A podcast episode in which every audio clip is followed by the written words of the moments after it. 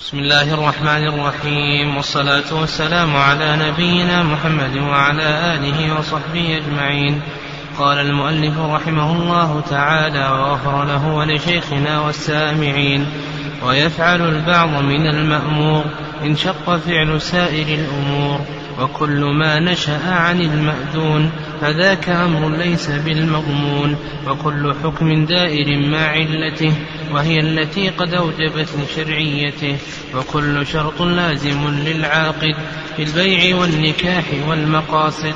إلا شروطا حللت محرما أو عكسه فباطلات فاعلما.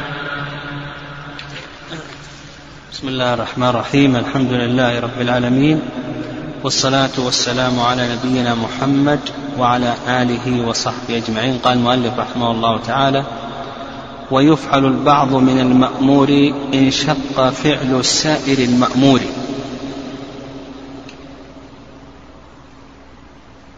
إذا لم يتمكن المكلف من أن يفعل جميع المأمور فإنه يفعل ما يقدر عليه من المأمور.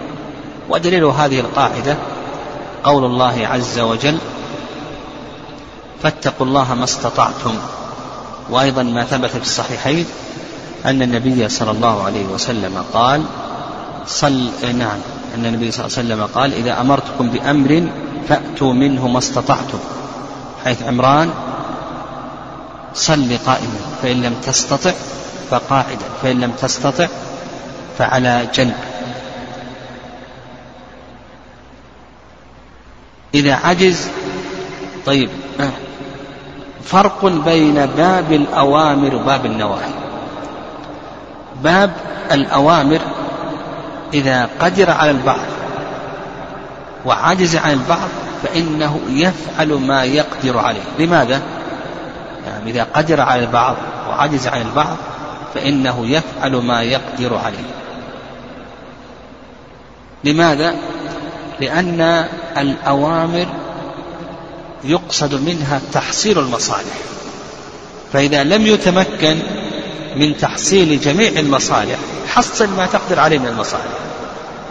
فالأوامر يقصد منها تحصيل المصالح. إذا لم يتمكن من تحصيل جميع المصالح حصل ما تقدر عليه من هذه المصالح. أما بالنسبة للنواهي فالمقصود منها ماذا؟ درء المفاسد.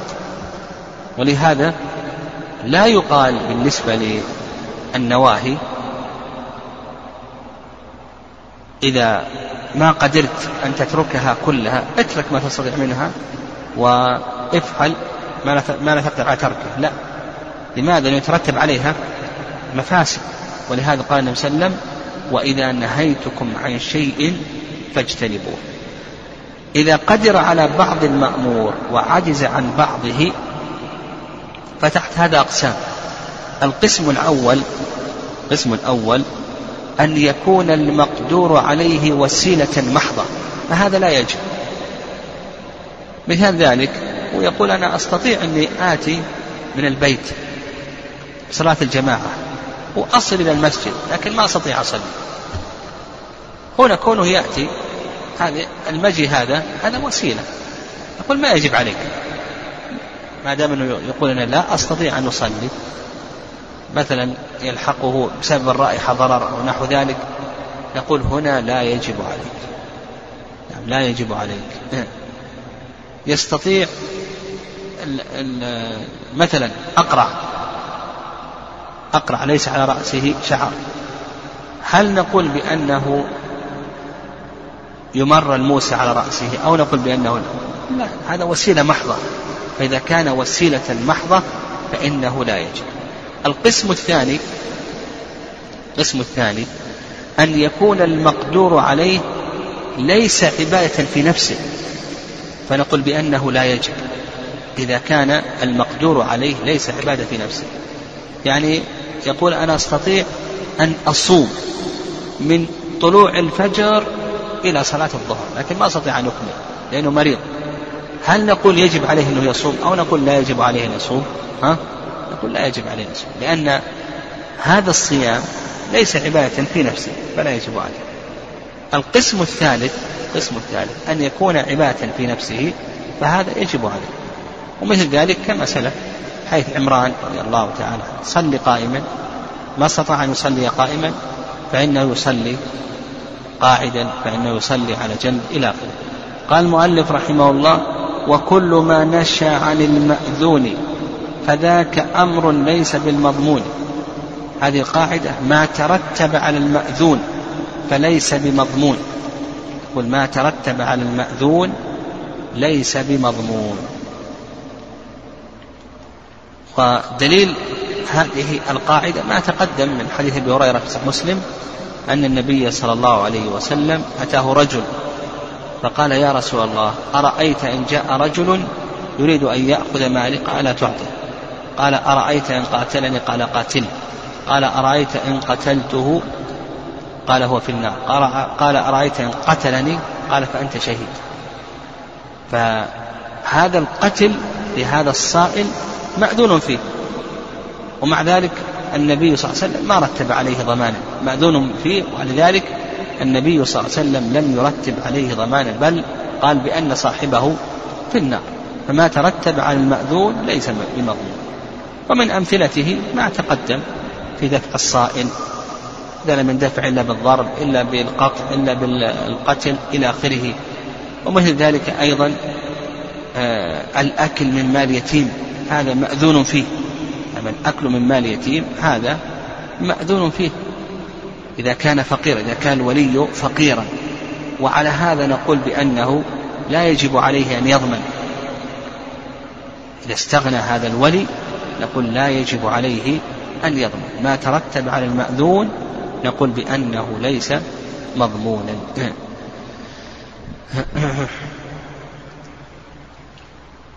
نعم. قال وكل حكم دائر مع علته. وهي التي قد أوجبت لشرعيته هذه قاعدة فقهية. وهي أن الحكم يدور مع علته وجودا وعدما. الحكم يدور مع علته وجودا وعدما. ما هي العلة؟ العلة وصف منضبط يصلح لترتيب الحكم عليه. وصف منضبط يصلح لترتيب الحكم عليه. وعندنا هذه القاعدة الحكم يدور مع علته وجودا وعدما. نقول بأنها تنقسم العلة تنقسم لدوران الحكم عليها تنقسم إلى ثلاثة أقسام. القسم الأول علة منصوصة علة منصوصة. فإذا كانت العلة منصوصة ما الحكم هنا؟ نقول بأن الحكم يدور معها وجودا وعدما. مثال ذلك قول النبي صلى الله عليه وسلم لا يتناجى اثنان دون الثالث. وش العلة؟ من أجل أن ذلك يحزنه لا يتناجى اثنان دون الثالث من أجل أن ذلك يحزن. العلة من أجل أن ذلك يحزن. طيب. تناجى صبيان دون رجل كبير. هل ينهيان أو لا ينهيان؟ ها؟ تناجى صبيان دون رجل كبير. ننهاهما أو لا؟ ها؟ النبي صلى الله عليه وسلم يقول لا يتناجى اثنان. العلة تخلفت لأنه هذا ما يهمه الكبير. يعني صبيان يتناجيان ما يهمه. مع أن النبي صلى الله عليه وسلم قال لا يتناجى اثنان لكن العلة لما تخلفت تخلف الحكم. لأنه ما يهمه الكبير يتناجى الصبيان ما يدخل عليه حزن. طيب. تكلم رجلان بلغة أجنبية دون الثالث. تكلم رجلان بلغة أجنبية دون الثالث. إيش الحكم؟ النبي صلى الله عليه وسلم نهى عن التناجي هنا ما في تناجي. لكن العلة موجودة وليست موجودة. موجودة لأنه يحزنه. نعم لأنه مع أنه ما في تناجي.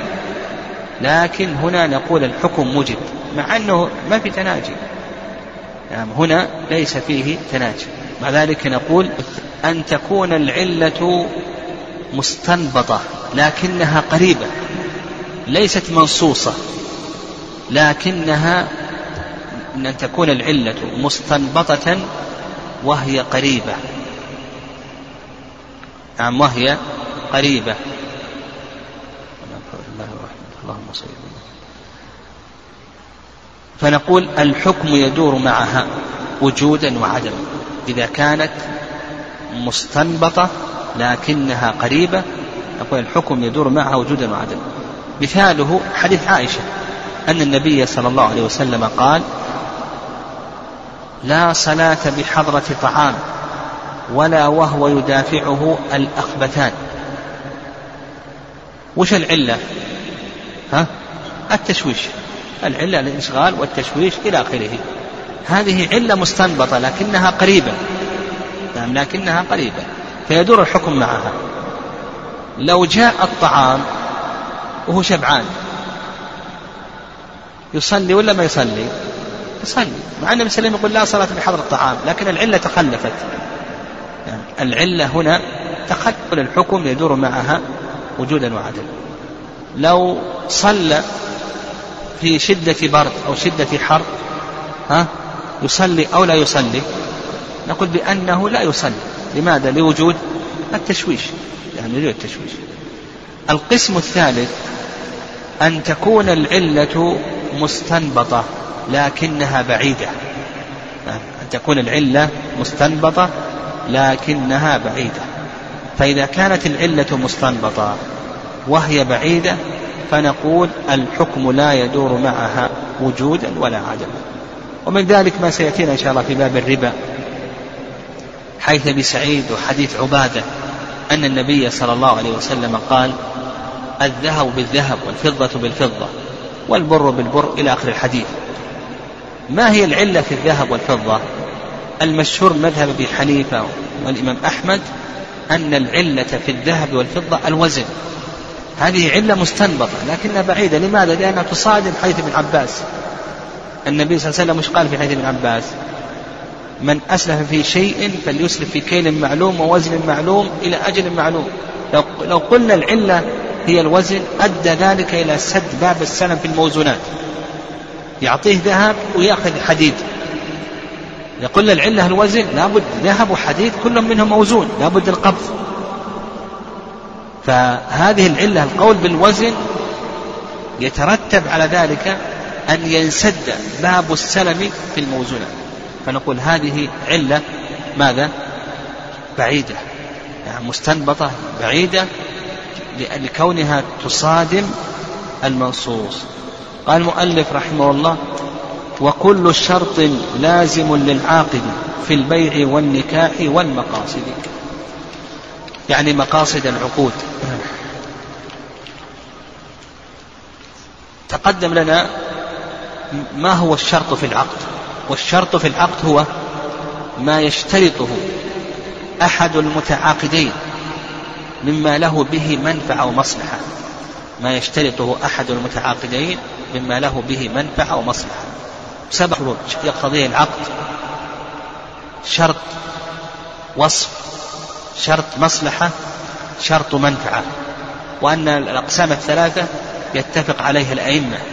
وأما القسم الرابع وهو شرط المنفعة فهذا يختلف فيه الأئمة. وذكرنا أن أضيق المذاهب في هذه المسألة ومذهب الشافعية. يعني الشافعية وأضيق المذاهب في هذه المسألة وأنهم لا يجوزون ولا شرطا واحدا. نعم لا يجوزون ولا شرطا الشروط في ويدل ذلك قوله آمنوا أوفوا بالعقود والأمر بإيفاء العقد تضمن به ووصفه ومن وصفه الشرط فيه. في حيث عقبة إن أحق الشروط أن توفوا به ما استحللتم به الفروج. في البخاري معلقا المسلمون على شروطه فيجب الوفاء بالشروط في العقود. سبق أن ذكرنا الفرق بين شرط العقد والشرط في العقد وأن الشرط أن شرط العقد من وضع الشارع وأما الشرط في العقد فهو من وضع العاقد شرط العقد يكون قبل العقد وأما الشرط في العقد فإنه يكون قبل العقد وفي صلب العقد وفي زمن الخيارين.